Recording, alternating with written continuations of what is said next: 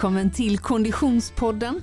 Vi är framme vid avsnitt nummer 30 denna fjärde säsong och jag som pratar heter Frida Zetterström. Hej Oskar Olsson! Hej Frida! Sa du 30? Ja, avsnitt 30. Många har det blivit.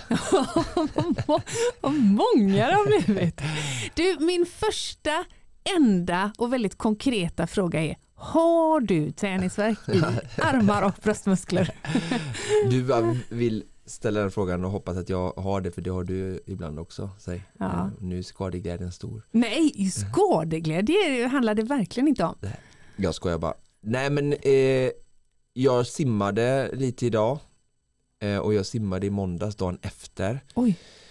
Jag känner ju att jag inte har det som så här superpower Ja. men jag tänkte nog att jag skulle ha mer träningsverk. Nu försöker jag inte verka tuff här Ja. och jag tänkte i måndags att ah, det kommer komma imorgon alltid, alltså Ah, ah. dag två. Ja.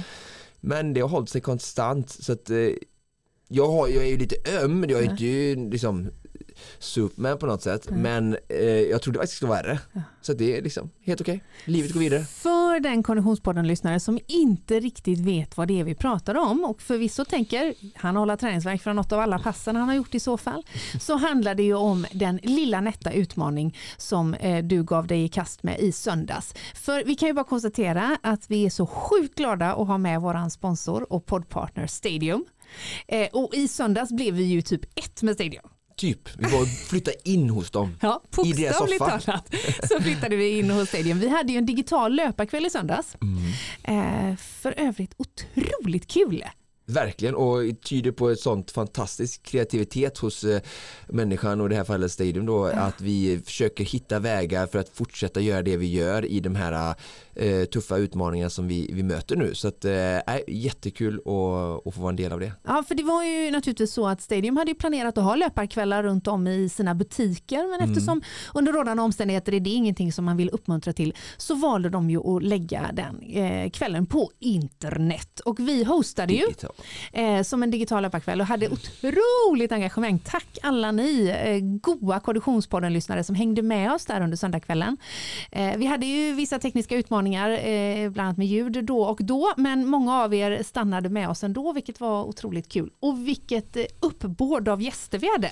Ja verkligen, alltså, jag, jag, jag tyckte det var så himla kul. Jag sa det till dig, skämtade vi i inledningen där när vi drog igång eh, när klockan räknade ner liksom, att det här är första gången jag får med på tv. Jag har varit med tre gånger på debatt faktiskt på SVT men Ja, det här var ju mer liksom framför kameran mer Ja. på riktigt och eh, det är som en uppesittarkväll, Bingolotto. Ja. eh, Jag tyckte det var eh, riktigt häftigt och, och kul och förmån att få vara med och som du sa, eh, vilket fullspäckat schema och hela produktionsteamet som är bakom och bara jobba stenhårt bara för oss som är framför kameran sådär. Och, jag tycker allting och så Stadiums liksom, engagemang från sidan och eh, med lokal och allting så att, nej, jag tycker det var för, Ja, mig nej, var det, det för var- dig är det ju vardagsmat men för Ja. mig var det verkligen bara wow. Ja, nej men det var det absolut inte vardagsmat. Det här var ju en eh, två timmars direktsändning med väldigt mycket prominenta gäster. Vi hade ju allt från eh, eh, Saucony Stride Lab som gjorde en testanalys på, på en löpare till eh, gäster från Midnattsloppet och eh, Lidingöloppet till eh, Asics som var där och pratade om sina skor. Bingo Rimér var där. Bingo Rimér var med på länk, Frida Nordström var med på länk. Eh, vi hade otroligt mycket härliga gäster. Eh, och vi ska återkomma lite till det, men vi måste bara knyta an till då varför du eventuellt skulle ha träningsverk efter att ha varit programledare för en eh, eh, eh, uppesittarkväll. digitalt löpare. För det var ju faktiskt så Oskar att du, du eh, var ju förvisso vid min sida i början och slutet men under 60 minuter så här kastade vi ju en utmaning på dig. Ja, Du skulle ju helt enkelt göra så många armhävningar som det bara gick under 60 minuter och sen eller situps. ja, precis i förväg fick, de, fick man ju välja om det skulle vara situps eller armhävningar och sen så några dagar innan fick vi reda på att det blev armhävningar. Du Mm. skulle maxa det under 60 minuter och under tiden så kunde då alla deltagare, alla tittare på det här, den här digitala kvällen rösta och gissa hur många man trodde du skulle prestera. Jag hörde där något sånt där peppande förslag på 3000 och kände så här, ja. eh, Fast det var ju helt absurt. Det låg ju jättemånga som också gissade på ett par, alltså på så här 5, 6, 700 var det ju en högst relevant gissning måste jag säga. Bara det hade ju varit helt absurt tycker jag.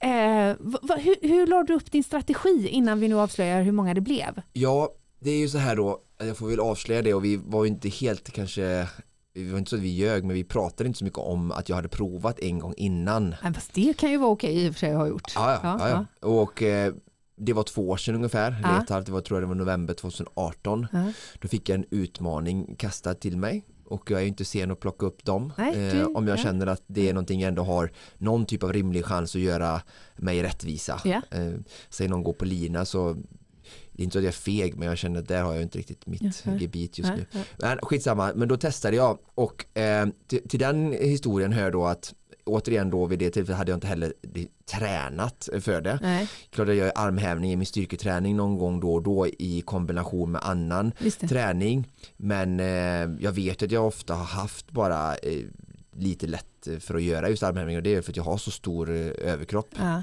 Tyvärr höll jag på att säga. Men ja, ja. med tanke på Mm. konditionsidrotten jag håller på med. Men eh, så då hade jag provat det och eh, då eh, gick jag ut eh, ganska optimistiskt eh, den gången, första gången jag testade då Mm. och fick faktiskt bryta efter eh, efter en halvtimme Oj! och då hade jag då hade jag, eh, jag blev så trött. Och Ja. då hade jag ungefär samma upplägg som jag hade nu. Ja. 20 stycken varje minut då. Ja. så reviderade jag den eh, strategin till jag gjorde varannan minut 20, varannan 15 Ja. och sen de sista 20 minuterna gjorde jag bara 15 varje minut.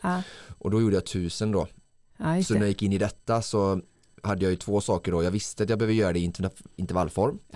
För att när du ska hålla på med någonting länge så är det väldigt viktigt tror jag att eh, med min kunskap från huvud all typ av idrott att ehm, att om du går över gränsen Ja. även om det inte känns så jobbigt då så får du sota för det sen och vi kom in lite det med, på, med dagens gäst idag också eh, om att ligga på gränsen så där försökte jag liksom någonstans eh, vara realistisk men samtidigt spänna bågen för att jag vill inte göra det och inte slå mitt, eh, mitt egna personliga rekord då, som Mm. jag själv var Mm. Mm. införstådd med vad det var. Även om jag inte hade någon aning, jag har inte tränat armhävningar de senaste åren, jag visste inte om jag blivit sämre, bättre sen liksom november 2018 så det var ju liksom gambling men jag tänkte med lite härliga hejarop och, och liksom tittade sist gången Ja. var jag ju helt ensam i ett eh, mörkt tråkigt center. Nu hade vi ju spotlights och massa människor som Ja. tittar på mig, då, då blir man ju alltid lite sträcker på sig. Ja. Så att eh, det var intervallform och jag körde 20 stycken, jag lyckades hålla det. Kändes Och intervallfördelningen var alltså? 20 stycken som tog ungefär 15 sekunder Ja, eh, och sen vilade jag resten av minuten. just det. Försökte sträcka ut mig och sånt där.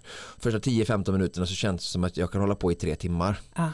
Men sen då efter ungefär 20-30 minuter så är det väldigt ironiskt tycker jag ändå på ett sätt. Eh, även om det kanske inte är det eftersom att man aktiverar så mycket muskelmassa ändå.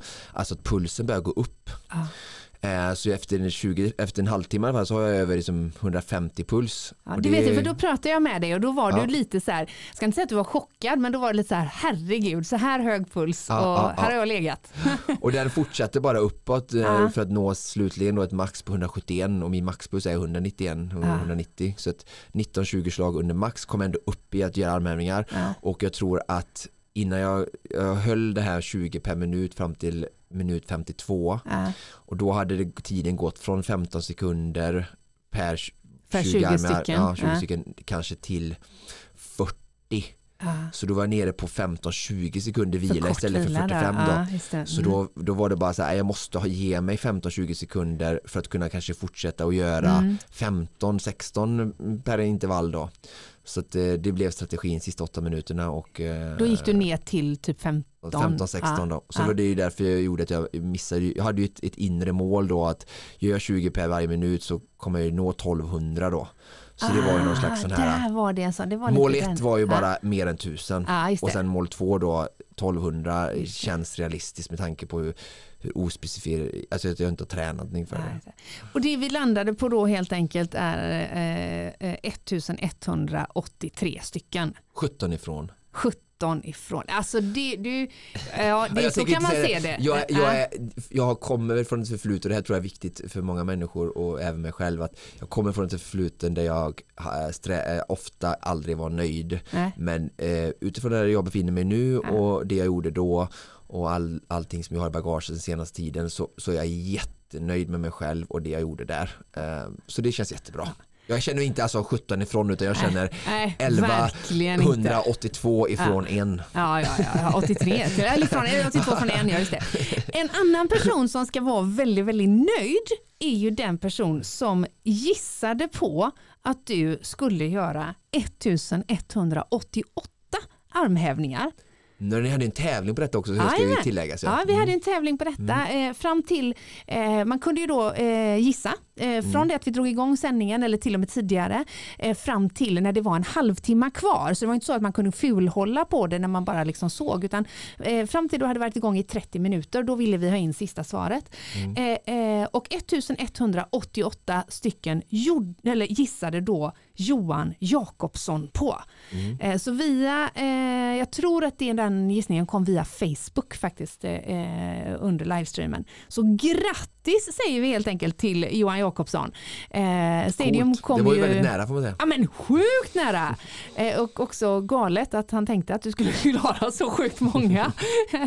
eh, det var ju ett eh, fint pris i potten. Mm. 2000 eh, spänn på eh, presentkort på Stadium eh, landar hos Johan Jakobsson. och jag vill bara säga det då att jag googlade fram här snabbt nu då och jag, jag, har sett när de gör de här armhävningarna och jag skulle kunna hävda att jag kanske har lite andra regler än vad jag hade satt upp för mig själv Aha, med 90 eh, graders eh, armbågen och raksträckt armbåge och sådär mm. men det officiella världsrekordet 31 augusti 2018 är 2800 så att det är den som gissade på 3000 så det har varit jättekul för mig tycker jag för då hade jag ju slått världsrekordet. för någon då som jag antar är som heter Yara Jung eh, från Australien som säkert är har gjort ett x antal fler armhävningar i sitt liv Aha, ja, ja, ja. Men bara får vi lite referens att eh, jag gjorde inte ens hälften av eh, världsrekordet. Men du har liksom skrivit in dig i Konditionspoddens rekordbok ja, eh, eh med den äran verkligen. Ja. Så det var, ju en, det var ju en ganska stor del såklart ja, ja. av våran eh, mm. löparkväll i, i, i söndags. Eh, men det var ju också kanske det som var minst löparfokuserat. Ja. För i övrigt så var ju allt vi talade om, visade på, eh, berörde, tänkte kring var ju just löpning. Vi hade ytterligare en tävling som vi redovisade vinnaren på och det var ju den som vi sjösatte här i Konditionspodden där vi eh, ville att man skulle, om man sprang längre än 5 km och reggade sin runda i Runkeeper mm. eh, så hade man chans att vinna ett maxat löparkit. Eh, och den eh, vinnaren drog vi i direktsändning. Det var Filippa Wikström som eh, hade reggat sin löprunda och lagt ut mm. på Instagram. Så hon vann det grymma kittet.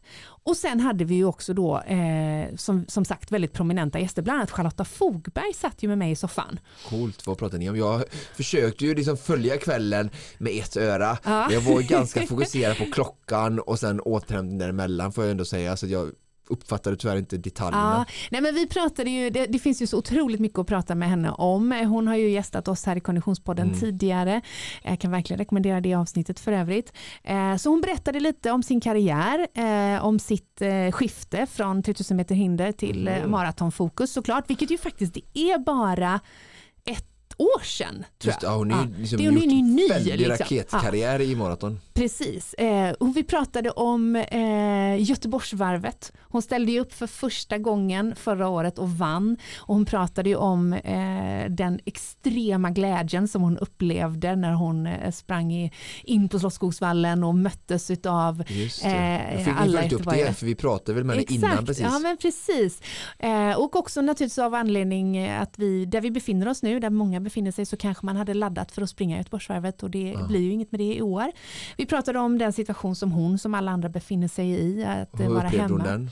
Nej men hon, eh, hon känner att hon kommer komma starkare ur det här. Bra Charlotta! Ja, ja, jag med! Det. Ja men så är det. Ta det, vara på detta, bra! Ja verkligen. Hon var ju fram och peppade dig för övrigt. Ja, alltså det var ju roligt för att eh, jag tror det var innan hon gick på så stod hon med filmteamet och alla andra gäster bakom kulisserna så att säga. Ah och, och, följde väl, de, folk stod ju där väl och, och som, ja, följde vad jag höll på med ja. och då eh, vid ett tillfälle så kände jag att eh, jag säkert såg lite trött ut och då sökte hon verkligen så här, fast vi var säkert 15-20 meter från varandra så mm. sökte hon upp ögonkontakten. Ja. Så drog hon upp sin eh, t-shirt-arm ja. där hon har en väldigt, då som man har eh, när man varit med i OS, en eh, OS-tatuering med OS-ringarna. Ja. Och så tittade hon på mig, spände blicken i mig riktigt på så här peppande sätt och bara peka på ringarna liksom att you better get some motivation from this badass picture.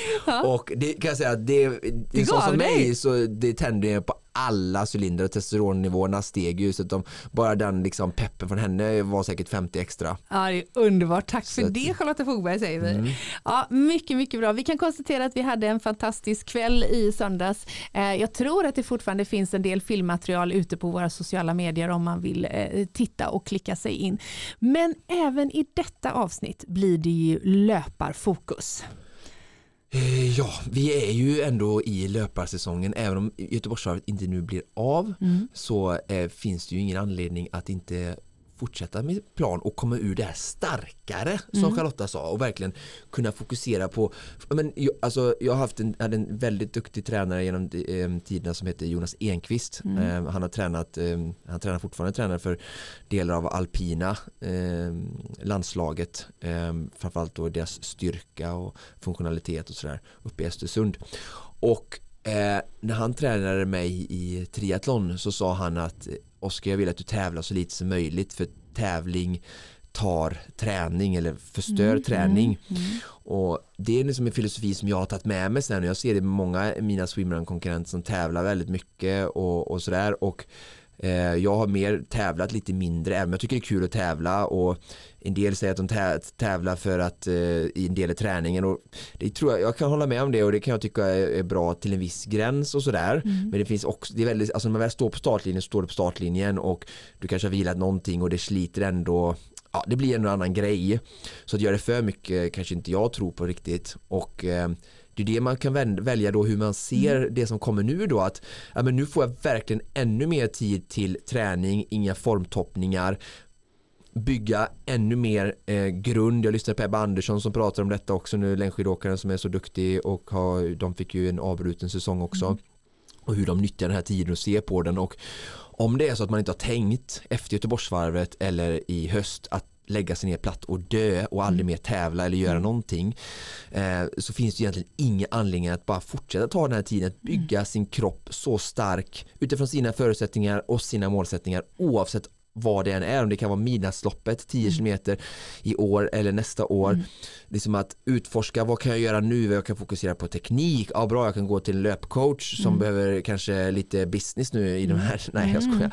Eh, eller jag kan jobba med min styrka hemma från all den inspirationen som bara flödar i sociala medier och Alltså välja och se det positivt att jag hör så många som säger att ah, det är ingen tävling, motivationen är borta. Men tävlar vi för eh, tränar vi bara för tävlandet i sig så är det så här för mig blir det så här nej, det blir en skev eh, eh, drivkraft eh, utan vi ska träna för att ge till oss själva känna oss starka och sen om det är två gånger i veckan eller om det är tolv gånger i veckan eller Charlotta Fogberg som tränar 14 kanske det spelar ingen roll och allt däremellan utan du tränar för att ge till dig själv du njuter av resan att bli bättre på någonting och du får kickar efter varje träningspass. Sen erkänner jag och håller med om såklart och förstår att tävlingarna är liksom grädden på moset eller champagneflaskan som man får i gläslänten av sin coach efter Göteborgsvarvet eh, så du nej jag skojar eh, alltså, och, och, så jag tycker bara här, också använd de här känslorna som ni möter i bristande motivation att hitta er själva ah, och vad är den sanna drivkraften kanske man kommer på att men jag jag tränar bara detta för att tävla i detta. Jag kanske, om, det är, om det är den drivkraften som är så stark då kanske jag kan träna någonting annat. Jag kanske inte måste hålla på med detta. Så verkligen att ta den här tiden också och reflektera över det tror jag är jättenyttigt för att eh, jag anser i alla fall bara min personliga åsikt att tävlare ska inte vara det som är drivkraften även om det såklart är en bra skjuts och sporre eh, och en bra riktning på, på liksom orienteringskartan man har i sin liksom, träningsutveckling så, så ja, du förstår. Mm. Oh ja, jag förstår verkligen. Och om det här, om glädjen att träna, om träningsupplägg, men om en specifik tävling pratar vi med dagens gäst.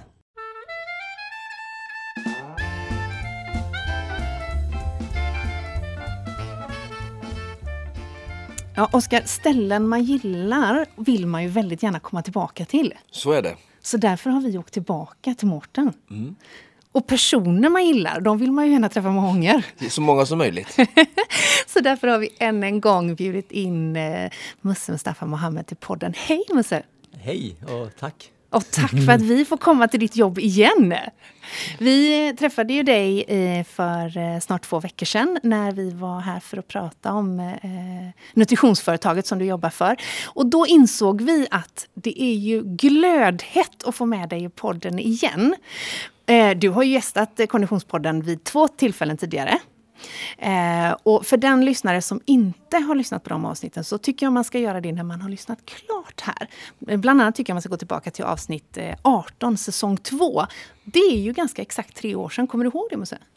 Ja, det var innan Göteborgsvarvet, kring en vecka innan. Exakt. Och, ja, jag jag kommer ihåg. Uppladdning inför Göteborgsvarvet var fokus på det avsnittet. Men vi var ju lite inne och nosade på din karriär då. Men jag tänker att man ändå vill komma lite tillbaka. När började löpningen för dig, Musse? Det var eh, när jag var 16 år, hösten 95, som jag på allvar började träna och få en tränare, gå med en klubb.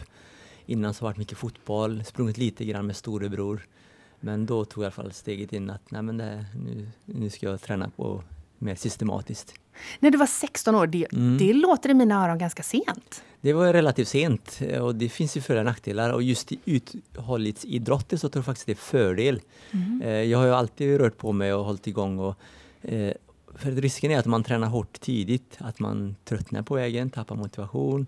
Jag var ju jämfört med många av mina kollegor på den tiden väldigt hungrig. Det var ju nytt för mig allting och det var så roligt medan de kanske hade redan hållit på många år och tränat hårt. Ja. Jag tänker att det måste vara en, en glädjande och motivation för många att höra så att man inte behöver ha elitbestämt sig vid 11 och ett halvt års ålder. För det är lite där vårt samhälle är idag, upplever ja, jag det i mångt och mycket. Det är bra för att höra tror jag. Och, eh, att, dels att det inte är för sent, mm. för det finns de som har startat, börjat ännu senare och blivit bra. Eh, men framförallt tror jag att eh, Nej, men, att det, ta, det, kan ta tid att hitta det man dels tycker är roligt men även det som man har fallenhet för. Jag tyckte egentligen fotbollen var roligare men eh, upptäckte sen löpningen och eh, kände att jag, ja, men det, det, passade mig eh, bättre. Jag hade mer talang där. Mm. Och eh, när man är bra på något så blir det också extra roligt. Ja men verkligen. Så att man inte måste hitta direkt det man eh, passar för. Idag är, känner vi dig som, som extremt framgångsrik maratonlöpare. Men vad var det då? Vad för slags löpning var det du fastnade för då? Eh, det, visst, jag, jag märkte ganska tidigt att jag var mer uthållig än snabbhet. Snabbhet var min akilles, jag hade inte tillräcklig snabbhet. Men redan då så jag tyckte om tävla och gärna variera. Så jag sprang allt från 800 meter upp till 5 till och med 10 kilometer. Jag sprang bana. Döden-distansen alltså? ja. men jag sprang bana, jag sprang terräng, jag sprang eh, landsväg. Så, och det har jag gjort egentligen hela karriären, försökte att variera. Mm. Det, det var i Hälle du började va? Det var Helle och det är fortfarande Helle. Ja.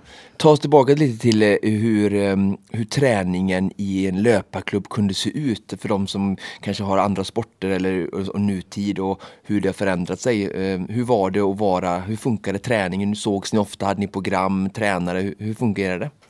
Ja, det var så här att vi körde ihop eh, två till tre gånger, oftast tre gånger i veckan i grupp.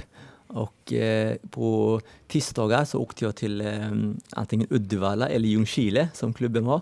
Och jag bodde då i Lysekil så det var ju en timme en buss att åka.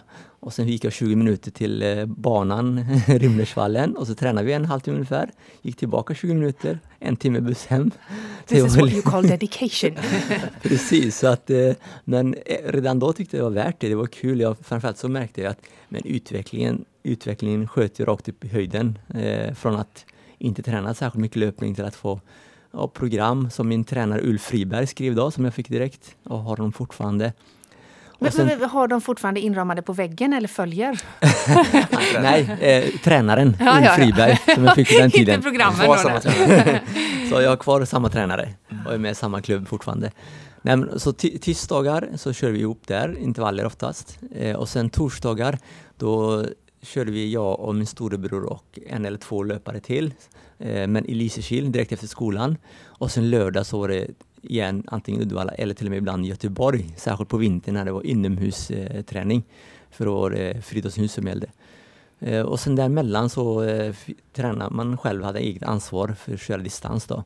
Och ibland kunde det vara med storebror som också höll på eller själv. Så att, men de här tre nyckelpassen var i grupp då. Så all klubbträning skedde i princip på bana kan man säga då? Eh, under eh, när det är tävlingssäsong så gjorde det och sista veckorna inför tävling eh, säsongen. Däremot under uppbyggnaden höst och vinter då körde vi ganska mycket eh, träng. Eh, vi hade en eh, ban, ja, eh, elslinga kan man säga, eh, elljusspår som eh, vi körde intervallerna.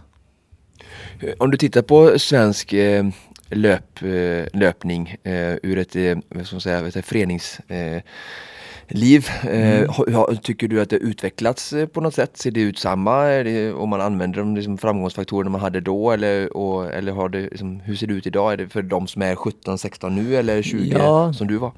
Eh, alltså det som jag har sett nu att det, det är, det kanske varit så innan också, men i alla fall utmanande och svårt för föreningen att behålla ungdomarna. Det är många som slutar kring 12-13 och framförallt ännu sen eh, kring 17, tonåringarna. Det är svårt att behålla dem upp i åldrarna. Eh, och det, dels kan det bero på att de lockas eh, av så mycket annat. Eh, allt från eh, eh, utbildning, karriär till att man helt enkelt ja, ledsnat för att man har hållit på så många år redan. Och det är en utmaning för dem hur man ska behålla dem. Mm, mm. Vad tror du? Ja, jag tror att eh, i dagens samhälle så tycker jag faktiskt att det är viktigare att få folk att röra på sig än att bara få fram eh, riktigt elit, elit, alltså världsidrottare. Mm. Eh, eh och då tror jag att det är viktigare att eh, man har en bred bas där man kan komma och gå hur man vill. Exempelvis så måste, om det är lagidrotter, man måste inte vara med matcher för att få med träning utan man kan välja att göra det mer roligt. Och sen finns det alltid de som är elittänkande som, och då ska de också ha möjligheten att kunna mm. satsa extra hårt. Så att det, finns, det ska finnas plats för båda delarna. Mm. Att man bara kommer med för att eh, det är kul att träffa kompisarna och göra någonting tillsammans med dem. Men man kanske inte är intresserad av den här riktigt elitistiska delen. Och som en eh, både hockey och gymnastikmamma så kan jag säga att det är ljuv musik i mina öron. Jag tror att du har ett, eh, ett mission att jobba med eh, någon gång i framtiden. faktiskt. Jag tror att det är otroligt eh, inspirerande och viktigt att höra någon som kommit så långt, allra längst fram i leden som du har gjort och, och säga det. För jag tror att det är, det är ganska sällan man hör den, den aspekten. Eh, men du, eh, när du sen då kom vidare i karriären eh, och, och ehm, vi, vi, måste ju faktiskt sålla i allt vi kan prata om här, för det är så fantastiskt att ha dig än en gång bakom poddmikrofonen. Eh, eh, om, vi, om vi hoppar ända tills du började springa riktigt långt. Vi mm. hoppar till maraton, eh, maratonloppen. Ja, du var ju 3000 meter hinderlöpare. Exakt. Och eh, det när du berättar om din eh, träningsbakgrund här så funderar jag på, tror du att för att du tränar så allsidigt, att det var det som gjorde att du blev så bra på eh, 3000 meter hinder? De brukar prata om att det är det som kräver mest eh, kapacitet. Ja, jag tror faktiskt det. För jag, när jag sprang kortare sträckorna som 800-1500 så fick jag den här farten som jag ändå behövde. Och genom att springa de längre sträckorna fick jag uthålligheten och just eh, 3000 meter hinder är väldigt uthållighetsgren trots att det är så kort som 3000 meter. Det är egentligen till och med mer uthållighetskrävande än 5000. Ehm, så det tror jag att jag hade fördel av. Ja, stora hela. Mm. Det, och fortfarande ser jag de som löpare som är duktiga på hinder att de är även duktiga på översträckor eh, framförallt. Och sen då så gick du eh, över till maraton och eh, det är lite kul, Charlotta Fogberg som också var med i podden och som vi faktiskt hade som gäst här nu när vi var på eh, Stadiums löparkväll eh, häromsist. Så ni har ju båda två gjort samma. Eh, då börjar jag fråga mig själv, är det här svenskt fenomen eller är det här vanligt att 3000 meter hinderslöpare går till maraton? Och ja, hur ser det ut i övriga världen och eh, vad var det som fick dig att välja just det? Mm. Nej, om man kollar på i världen så är det ganska vanligt, och har varit det framförallt tidigare, att när man haft en eh, eh bankarriär, eh, löpning framförallt längre, 5000, 10 000 hinder, det spelar ingen roll i vilken egentligen.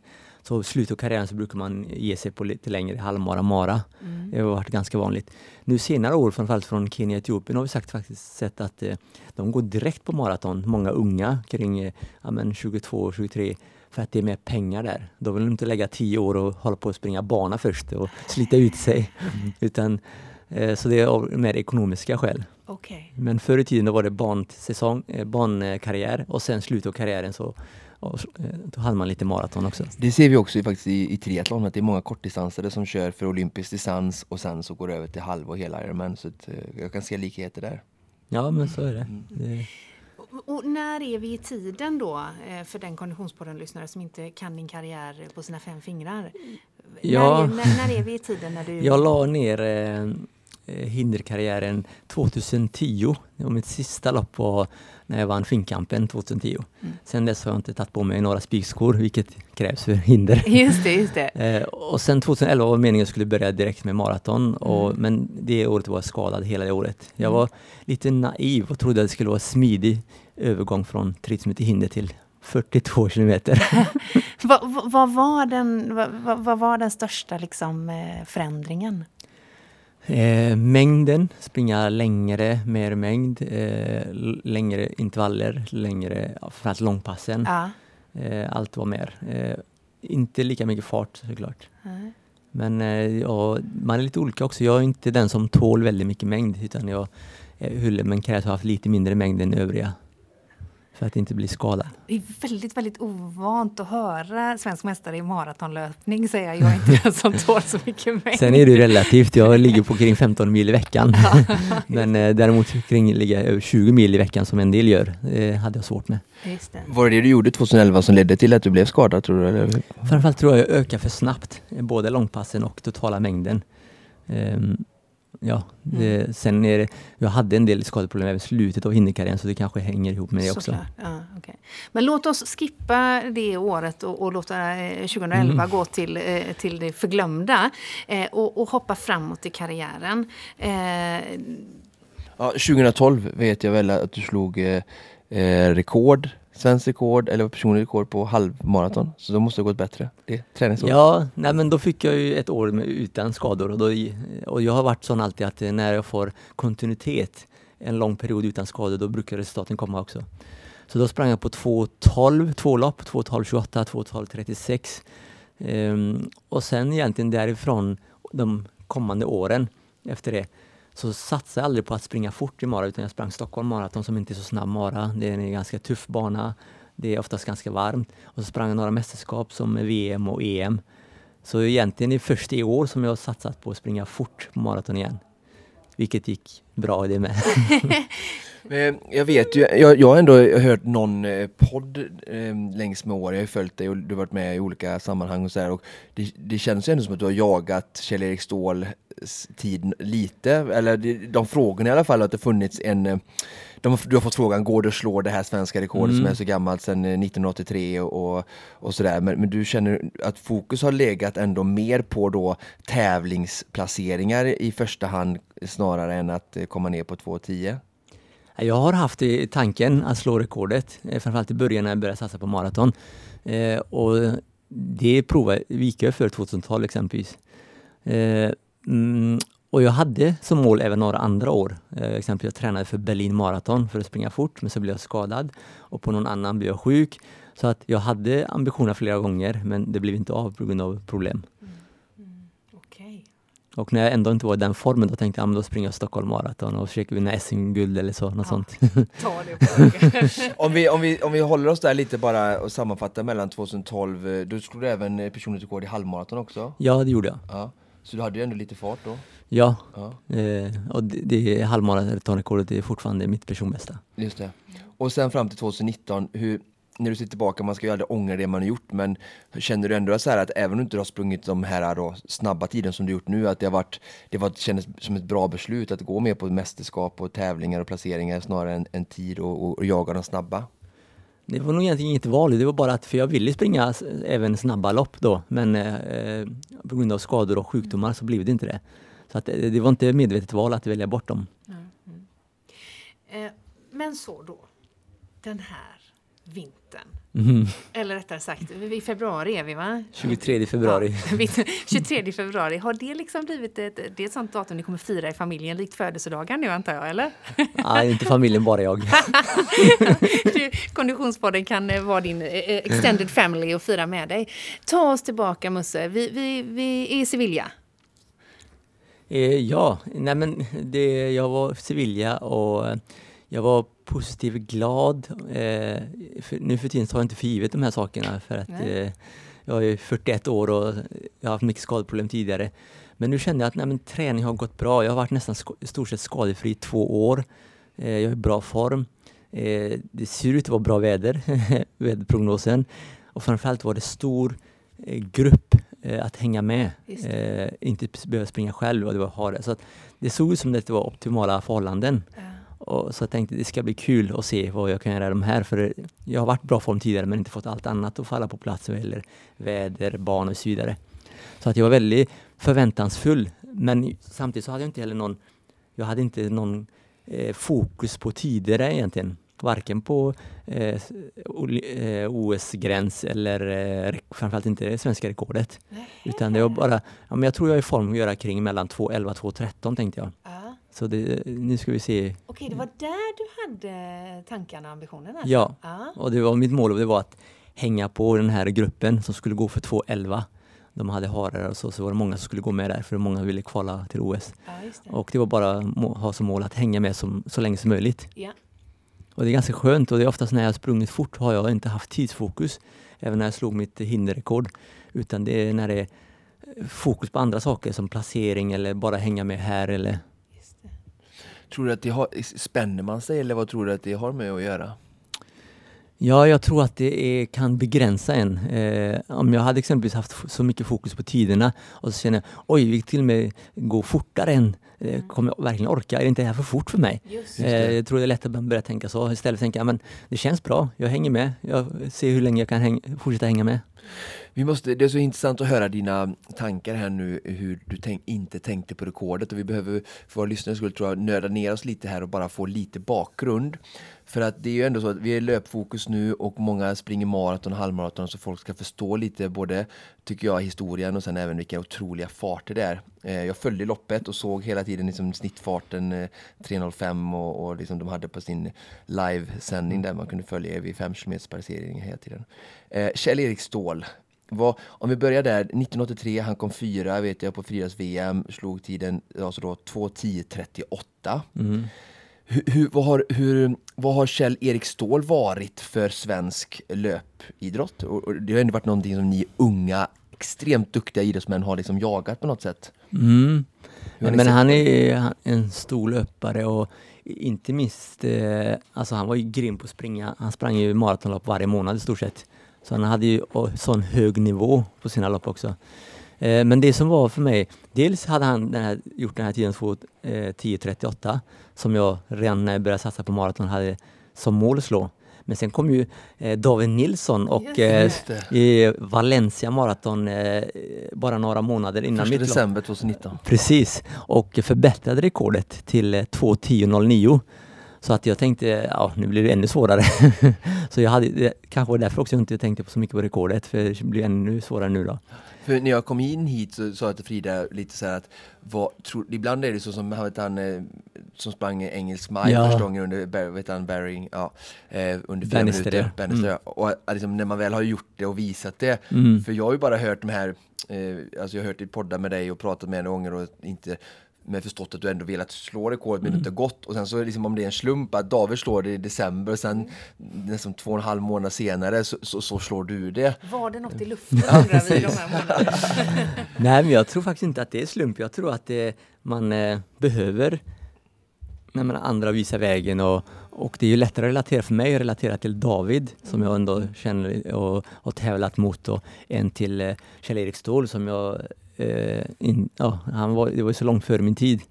Eh, så lite grann kanske det blir mer att, ja men klarar David så ska jag klara eller och vi märker vi också nu, vi har många löpare nu. I samma lopp som mig så hade vi Mikael Ekvall som sprang på 2.11 eh, kring 30 och en till kille, Ebba Tulleschall, som också sprang på 2. Så vi hade plötsligt, vi har i år flera killar som eh, gjort eh, under 2.12. Mm. Så att jag tror man eh, sparar varandra, men visar att det är möjligt.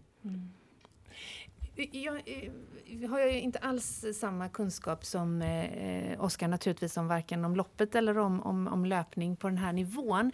Eh, och jag tror att det finns både en och två konditionspodden som, som inte heller sitter på, på alla fakta från början. Jag tänker på när, när, du, när du säger att jag hade inte fokus på tid mm. så misstänker jag att det betyder ju inte att du inte kollar på klockan. Utan jag misstänker att du hade väldigt bra koll på tid ändå. Men alltså hur, hur, hur mycket koll på tid har man när man inte springer med fokus på tid? Förstår du min ja, fråga? jag förstår. Jag förstår. Ja. Nej, men visst hade jag koll. Exempelvis så sa jag att jag skulle gå med i gruppen som Ja. skulle gå på 2.11.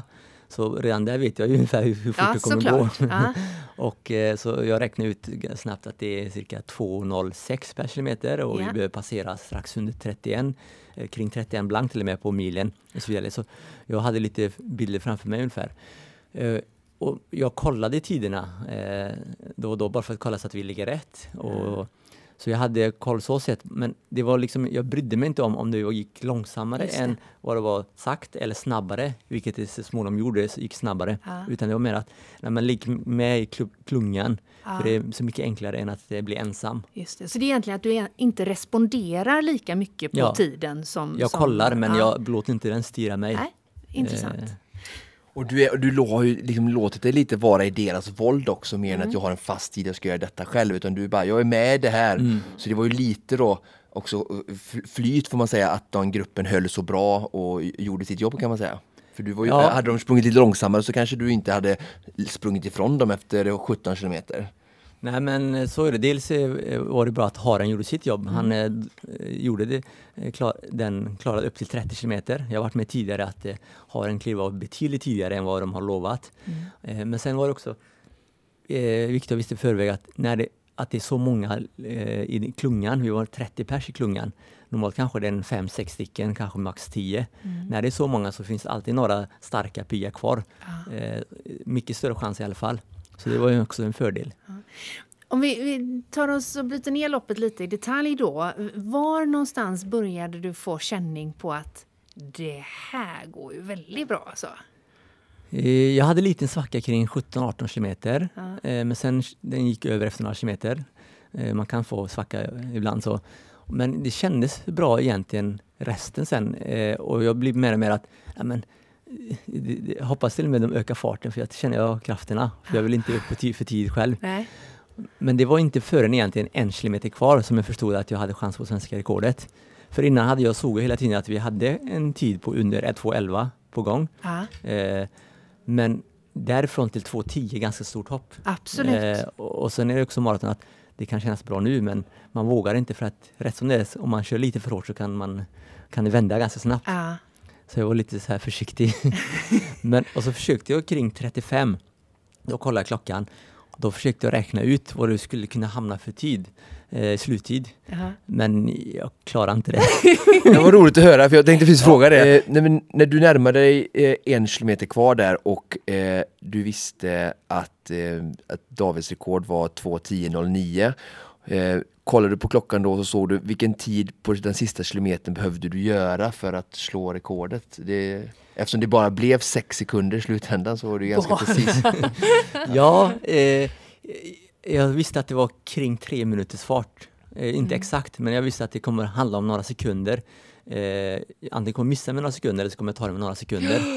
Och det var liksom så här, åh nej, det, jag var glad att det gick så snabbt, men jag vill inte missa det precis. Hade du eh, den 41 kilometern på 3.06 som vi sa, 3.06 var ju målfarten för klara eh, eran eh, tid som början där, som ni höll. Var den näst sista kilometern på 3.10 eller var den på 2.59 så du tänkte att jag måste öka en, men alltså vad var den på? Eller var det en stor fartökning om du förstår vad jag menar, du behövde Ja. göra på sista kilometern? sista liksom. Nej, Ja. fartökningen hade redan börjat vid 40, för redan där såg jag ju lite grann eh, farten där. Och så jag hade strax kanske 3.01, 3.02 någonstans där på mellan 40 och 41. Ja, Eh, och sista hade jag 3.00 eller 2.59.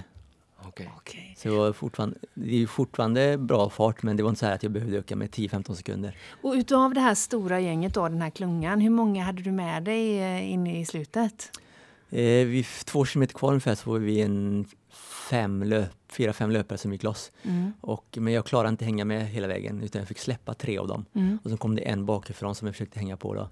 Och även han fick jag släppa men sen när jag såg då att eh, det var så nära då Ja. fick jag krafter att hänga på igen. Ah. Ah, mm. det, är så, alltså det är så spännande att höra. Vad har du runt dig i de här lägena i supportorganisationen? Alltså jag tänker din tränare och ditt, eh, ditt team, liksom, finns, de, finns de att kommunicera med dig längs banan och sådär? Nej, utan det, under, det, det är innan allt mm. jobb ska vara gjort och så. Sen är väl på plats så är det jag själv mm. eh, som gör det. Ibland, oftast är de med på tävlingarna mm. och till och med hjälper till med vätskelangning vid de tillfällen där man får. Då. Men eh, sen är det inte alltid man, jag hör eller ser dem eh, när jag är så fokuserad inne och bara kolla på riggen framför mig och hänga med. Hur, alltså, jag vet inte hur många svenska rekord Frida som slås vid 41 nej, års nej, ålder. Alltså, liksom, när folk kanske har, har gett upp nästan, jag kan inte jag prata för andra människor men jag tänker att många kanske har tänkt att du är overdone liksom mm. Eh, med tanke på att du är så gammal och så men du verkligen visar ju här att verkligen kroppen är fantastisk och kan prestera ett svenskt rekord vid 40 år. Hur har reaktionerna varit efteråt i Sverige eller framförallt i löparvärlden och sådär? Ja men den har varit stor och den har varit positiv och eh, en, en del som har sagt att det, de tycker det är kul och inspirerande att mm. Eh, då de har själva många år kvar förhoppningsvis. Då. Ja, exakt, verkligen. Ja. Så, och jag själv är Eh, alltså, jag funderade på att lägga av redan för två år sedan, att det skulle vara sista året, 2018. Sen när jag tänkte efter och märkte hur roligt jag fortfarande tycker att det är. Eh, så jag är glad att jag inte gjorde det. Vi med! Du, eh, Musse, vi sitter ju här på, på Mårten eh, där du jobbar som säljare. Eh, jag misstänker att eh, nutritionen i form av Mårten var en del av uppladdningen för det här eh, loppet också.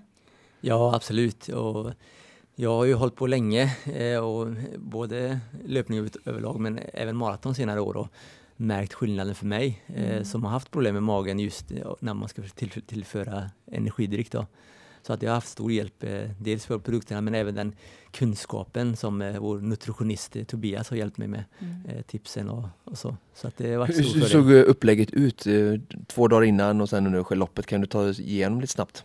Ja, eh, sista två dagarna så Alltså normalt så brukar jag lasta på stora portioner med pasta för att få i mig extra med kolhydrater. Eh, äta så att jag mår illa.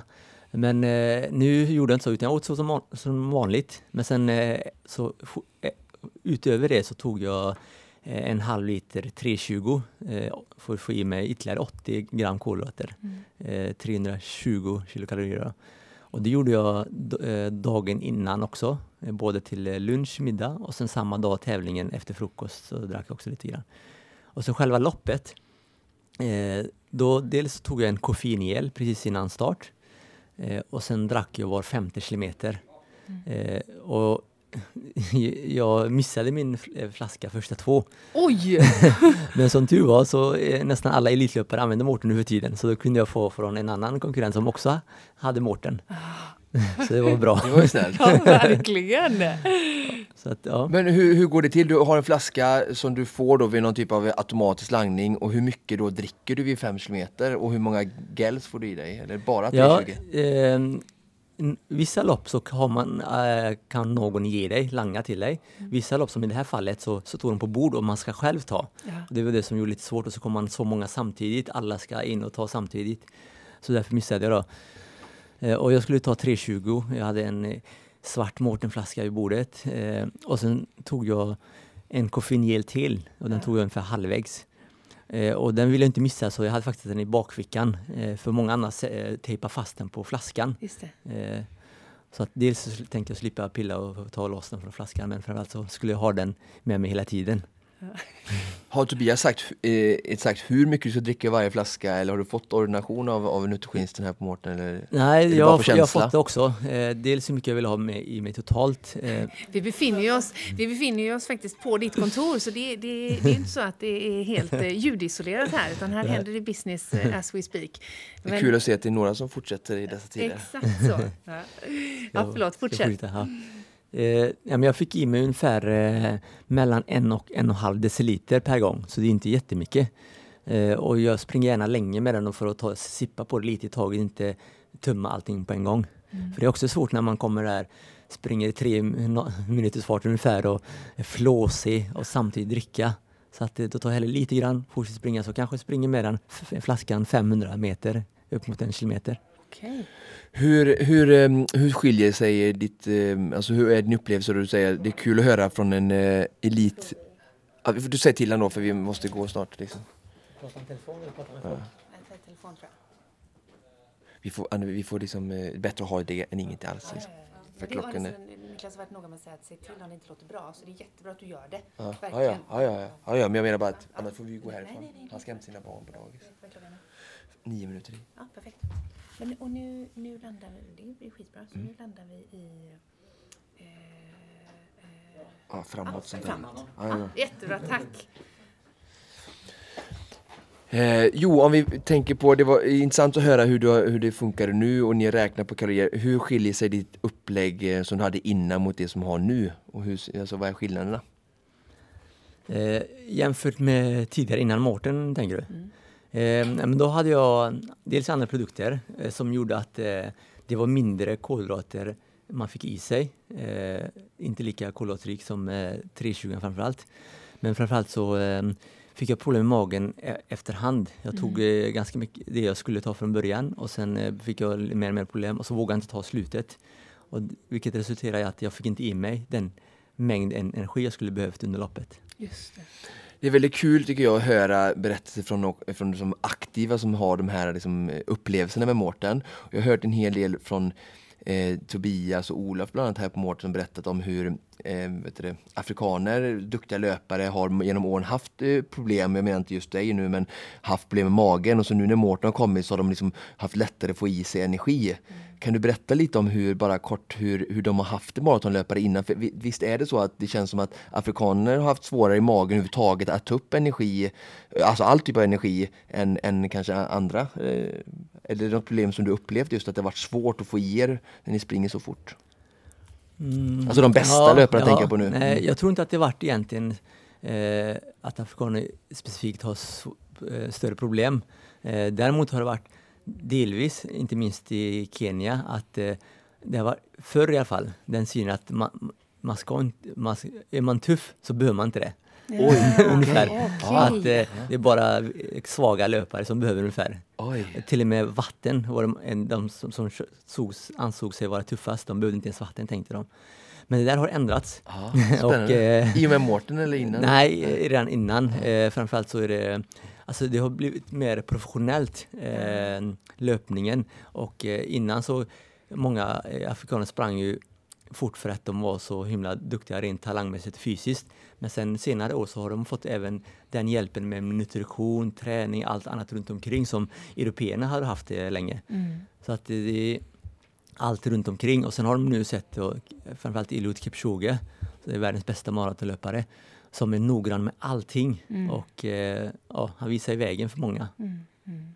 Det behövs förebilder på alla nivåer och i alla sammanhang. Liksom. Ja, det behövs det. Du, eh, Musse, du ska alldeles strax iväg vet vi, eh, men vi måste ändå passa på att bara göra en, en liten nulägesanalys. Eh, eh, 2020 eh, i april är ju inte så som vi hade tänkt oss. Varken för dig eller någon annan elitaktiv. Nej, det är speciella tider här nu och nej, men dels så finns det inga tävlingar, eh, vilket är ovanligt. I april, eh, det brukar vara maratonmånaden. Mm. Eh, så att, eh, nej men för mig så, gör det faktiskt inte så mycket tack vare att jag ändå fick mitt lopp i februari. Mm. Eh, så, sen har jag behövt återhämtning och jag kan ta ett god tid på mig att bygga upp mig igen. Eh, det är värre för de här som är i form och har, skulle tävlat men inte får tävla. Mm. Mm. Så hur ser din löparvardag ut just nu? Nu är jag på väg, eh, jag trappar upp det hela tiden. Eh, jag har inte full träning ännu, men på god väg. Eh, nu, nu ligger jag på ungefär 10 mil i veckan. Och låt vill upp mot, ja, precis. Jag har precis kommit igång med kvalitet igen. Så, eh, nej, men, det som är skönt är att jag har ingen brådska heller. Utan jag kan ta den tid på mig och bygga upp långsamt. Hur a- använder du styrk, styrketräning nu när i din uppbyggnadsfas? Ja, och även senare. Jag kör styrka två till tre gånger i veckan. Eh, Just nu ligger jag på två och ska öka till tre så småningom. Eh, En gång i veckan försöker jag göra mer eh, antingen på gym eller även hemma men mer med vikter. Och andra gånger är det mer fokuserat på bålstyrka. Om du får drömma lite, vad, vad, vad, ser du framför dig om vi säger att vi kommer tillbaka till en mer normalare tävlingsfri värld efter sommaren? Vad, vad finns det i Musses som du motiveras av nu och skulle vilja uppnå? Finns det någon tävling, någon tid? Ja, men jag tycker fortfarande det är så himla kul att träna och tävla. Så nu vill jag komma i form och sen hösten när det förhoppningsvis är dags med tävlingar igen så vill jag springa fort egentligen både på 10 kilometer, halvmara, mara och se hur, vad jag kan göra för tider. Mm. Jag är nyfiken på att ta det på det. The sky is the limit. vi hör ju, Musse, att vi får all anledning att återkomma ännu en gång kanske. Det hoppas jag. Tack så hemskt mycket för att du gästade Konditionspodden. Tack själv.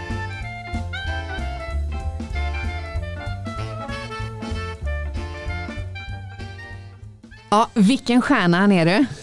Ja verkligen, Vi, som sagt det var ju som du sa tredje gången han var med men ja. eh, när det gäller löpning så eh, ser inte jag hur man kan eh, prata med Mustafa för många gånger för det finns ju ännu mer saker som jag vill nörda ner mig i och ställa frågor och varje gång så, så hör jag liksom när han berättar, man lär sig nya saker som, ja. som är lite behind the scenes som, som man som följare kanske av hans karriär inte får eh, lära känna eller få reda på så. Nej, jag tycker också att det var väldigt, eh, jag blev väldigt glad när jag hörde Musse prata om eh, synen på elitsatsning och vad man kan göra för att behålla ungdomar kvar i idrotten och vikten av att våga satsa på bredd. Eh, du hörde att jag gick igång lite när jag pratade. Men, jag, mm. men jag, tycker, jag, jag, brinner, men jag brinner verkligen för, för de frågorna eh, och just när de kommer från någon som har lyckats så otroligt väl som, som Musse själv har så tror jag att man verkligen kan göra nytta i idrottsvärlden. Verkligen, han kommer säkert göra mycket nytta när han är klar och med tanke på att han har egna barn som kommer säkert ah. hålla på med någon typ av idrott, även om det inte är löpning så kan han ju ta med sig den kunskapen och erfarenheterna för att jobba aktivt inom eh, ja. Och så också roligt att se att han inte på något sätt har lagt skorna på hyllan ännu utan har lite nya rekord att jaga. Och ja, det är helt otroligt, ja. han är 41, han är ju ah. Ja, det är helt otroligt. Ja. Jag tänker på som löpare och enastående och häftigt att se det att ålder är bara en siffra, drivkraften finns där ändå. Det finns ingen liksom förutbestämda, ah, men nu när du är 40 får du lägga av med detta och detta i, i olika idrott utan var och en får lyssna till sin kropp, hitta sin motivation, hitta sin nivå och han känner säkert som han, ingen känner sin kropp så väl som den typen av atleter. Äh. Så när, när kroppen säger nu det räcker det så, så tror jag att den kommer att säga ifrån. Liksom. Ja, och då kan han med den äran eh, lyssna på det.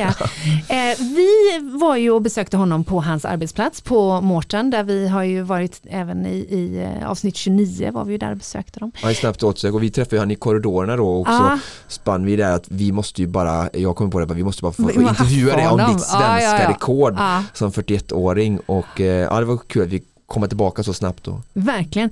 Och du fick ju faktiskt med dig eh, eh, ett litet, eh, litet supply från Mårten. Ja, jag fick, jag kunde inte cykla, jag fick ta bilen med produkter. Ja. Och de ska ju inte vi bara behålla för oss själva alltså? Äh, ni fick ju massa grejer du och Niklas när vi var där första gången. Mm, så att, mm. ni har ju era stacks fulla att träna med nu. Men ja. eh, där hoppas vi någon annan ska få nytta av. Ja, precis. Så du som lyssnar på Konditionspodden som känner ja men det här med Mårten, det vill jag testa. Nu har Eller du din med. chans. Eller fortsätta, precis. Eh, nu har du din chans. Åtminstone om du lyssnar på det här relativt när vi släpper avsnittet. För den här tävlingen som just nu pågår, vi sjösätter den på Instagram just i detta nu. Eh, eh, den kommer att rulla under april månad 2020. Från 23 till 30 april. Ja, så fram mm. till slutet av april 2020 så har du alltså chansen att tävla om eh, produkter från Mårten. Vi kommer med hjälp av stories och ett inlägg berätta hur det här går till väga. Exakt så, exakt så. Men du eh, Oskar, vad ska du göra i eftermiddag? Eh, jag har faktiskt äran att eh, få köra slut eh, och fortsätta utveckla våran produktionsnisse här bakom oss tillsammans med massa andra kvinnor och män du ska utanför centret. Ah, så att. Jag ska ah. dit och sen tror jag faktiskt jag ska eh, åka och kolla på cykel till min son. Det är ah, lite stort. Jag har ju haft ett stort eh, förflutet, alltså, cykel har legat mig eh, nära om hjärtat äh. sen, sen, jag var liten och fick eh, cykel av min styvpappa som har varit en framgångsrik cyklist. Så det känns lite speciellt att jag ska han har ju sån här man puttar på, han Ja, gör det väldigt bra. och- springcykel, Ja, springcykel ja. och jag tror det har varit väldigt nyttigt att få känslan bara med styr och balans och så.